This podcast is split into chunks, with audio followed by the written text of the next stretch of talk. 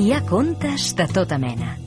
De bruixes i princeses, contes de por, de Nadal, contes fantàstics i d'amor, i contes en què surten tots els animals que poblen la Terra. Però quan algú pregunta quin és el conte més famós del món, la resposta sempre és la mateixa.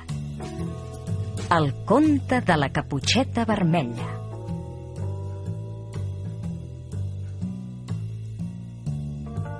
I aquest és el conte que ara us explicaré.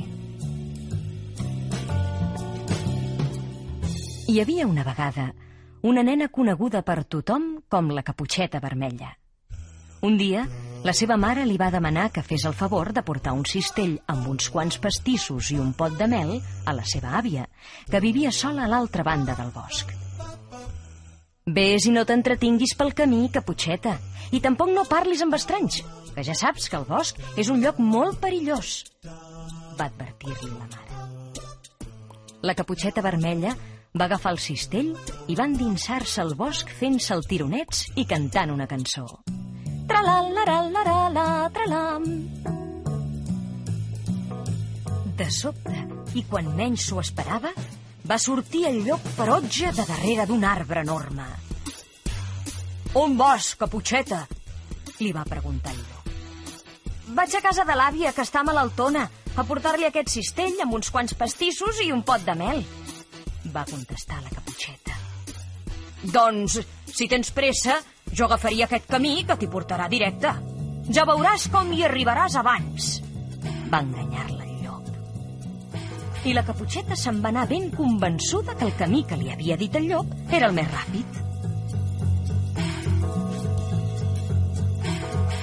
Quan la va perdre de vista, el llop va agafar una drecera que coneixia i va arribar de seguida a casa de l'àvia.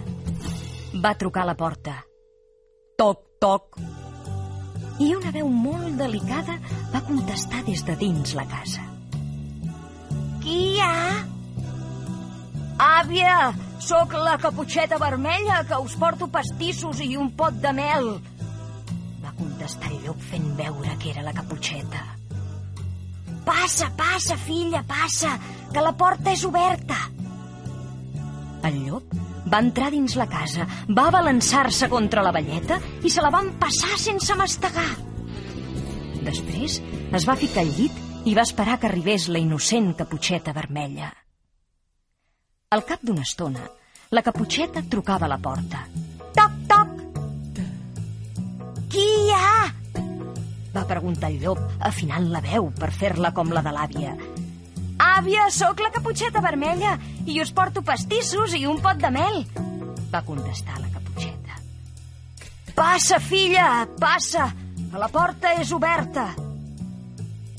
La caputxeta vermella va entrar a la casa i es va acostar al llit, on l'esperava el llop tapat fins al nas amb els llençols. Però la caputxeta se la va quedar mirant com si no la reconegués i de sobte va dir Àvia, quines orelles més grosses que tens? Mm, són per sentir-te més bé. Àvia, quins ulls més grossos que tens? Mm, són per veure't més bé. Àvia, quines dents més grosses que tens?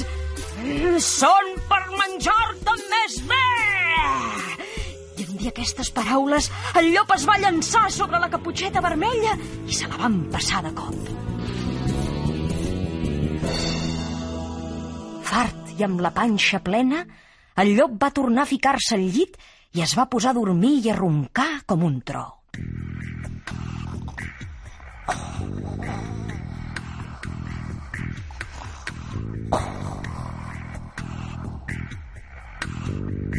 Roncava tan fort que un caçador que passava per allà a la vora va sentir els roncs i es va estranyar que la dolça àvia que vivia en aquella caseta pogués fer aquell soroll. Així doncs, va decidir entrar-hi. Va acostar-se al llit i va descobrir el llop. Però si és el llop! I mira com té de plena la panxa. Segur que s'ha menjat l'àvia i ara dorm mentre fa la digestió, va dir el caçador en veu alta. Potser encara sóc a temps de salvar-la. I sense pensar-s'ho dues vegades, el caçador va agafar un ganivet i va obrir la panxa del llop. I ja us ho podeu imaginar? De dintre de la panxa van sortir-ne la caputxeta vermella primer i al cap d'un moment l'àvia. Aleshores, van agafar unes quantes pedres grosses del jardí i van omplir la panxa del llop. Al cap d'una estona, el llop es va despertar. La panxa li pesava moltíssim i tenia una set brutal. Així doncs, va sortir de la casa i va caminar com va poder fins a una bassa per fer-hi un bon glob d'aigua. Però vet aquí que les pedres li pesaven tant que hi va caure i es va enfonsar sota l'aigua per sempre més.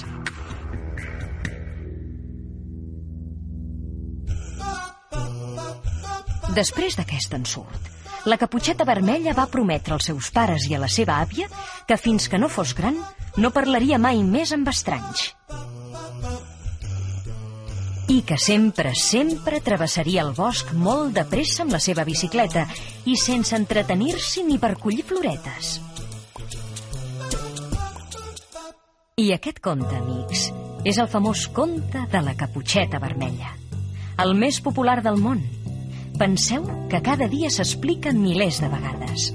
L'expliquen els esquimals i els etíops, els japonesos i els brasilers, els russos i els australians. L'expliquen arreu del món. L'expliquen com jo us l'he explicat avui aquí.